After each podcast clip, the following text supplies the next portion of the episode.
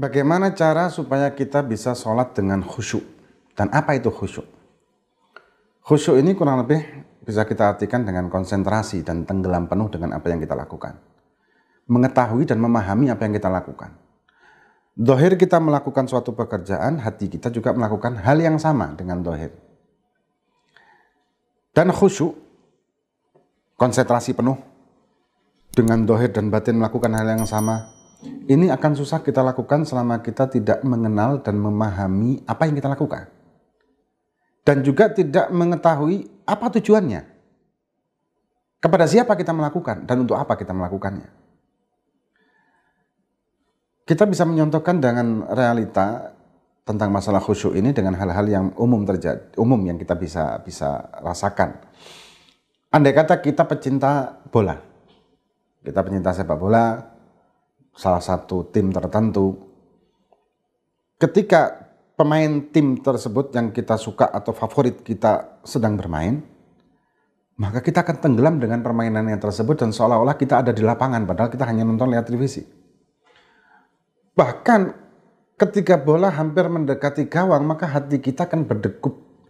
Jantung kita akan berdegup dengan kencang. Seolah-olah kita memang ada di situ. Seolah kita yang berlari dengan mengejar bola itu. Bahkan ketika sudah hampir mendekati gawang, sudah titik-titik terakhir akan gol pun, maka seluruh pendengaran kita, seluruh konsentrasi kita, seluruh pikiran kita akan terpusatkan ke televisi itu tadi. Dan suara-suara luar, suara-suara apa pun, bahkan mungkin suara orang lain atau suara orang yang berbicara atau memanggil kita tidak akan kita hiraukan. Ada satu kisah Al-Imam Ali Zainal Abidin bin Hussein bin Ali putri dari Siti Fatimah Zahra, cucu dari Nabi kita Muhammad SAW yang dijuluki Zainal Abidin, sebaik-baiknya ahli ibadah. Suatu saat, beliau Al-Imam Ali Zainal Abidin sedang sholat. Ternyata tetangganya mengalami kebakaran. Teriaklah penduduk dan tetangganya dan menggedor-gedor rumah beliau dengan mengatakan, ya Imam Harik, Imam ada kebakaran ini, ada kebakaran. Tapi sang imam tidak mendengar sedikit pun suara keributan di luar dan gedoran di pintu rumahnya. Karena beliau dalam sholatnya tenggelam dengan kenikmatan sholat itu sendiri. Setelah selesai beliau sholat, kemudian beliau kaget ternyata banyak suara-suara dan menggedor pintunya rumah. Beliau segera membuka pintu dan mengatakan, ada apa kok rame? Beliau mengatakan, ya imam dari tadi kita gedor-gedor rumah sebelah ini kebakaran. Takut merembet ke rumah beliau yang memang ternyata tidak sampai. Kata beliau, mohon maaf, saya tidak tahu tadi saya lagi sholat. Tenggelam. Inilah khusyuk.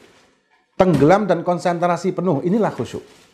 Nah, dan ketika kita memahami, mengetahui, mengenal tujuan ketika melakukan apa pun, maka kita juga akan tenggelam seperti itu.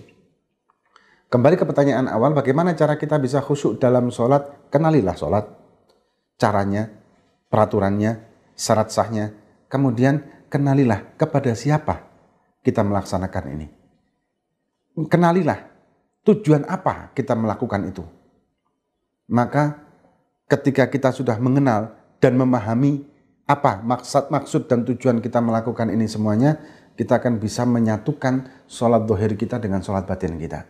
Dohir kita melaksanakan eh, rukun-rukun di dalam sholat, batin kita juga melakukan hal yang sama. Maka akan muncullah kekhusyuan sebagaimana yang dilakukan oleh para aulia-aulianya Allah Subhanahu wa taala yang beliau-beliau ketika masuk ke dalam salat maka tenggelam sepenuhnya dalam salat. Dan satu lagi yang terakhir, ketika kita sudah merasakan uh, uh, tenggelam dalam salat, tenggelam dalam ibadah zikir misalkan, ketika kita sudah tenggelam dalam zikir, ketika kita sudah tenggelam dalam sholawat, ketika kita sudah tenggelam dalam amal ibadah apa pun, maka kita akan merasakan kelezatan dan kenikmatannya ketika melakukan hal itu.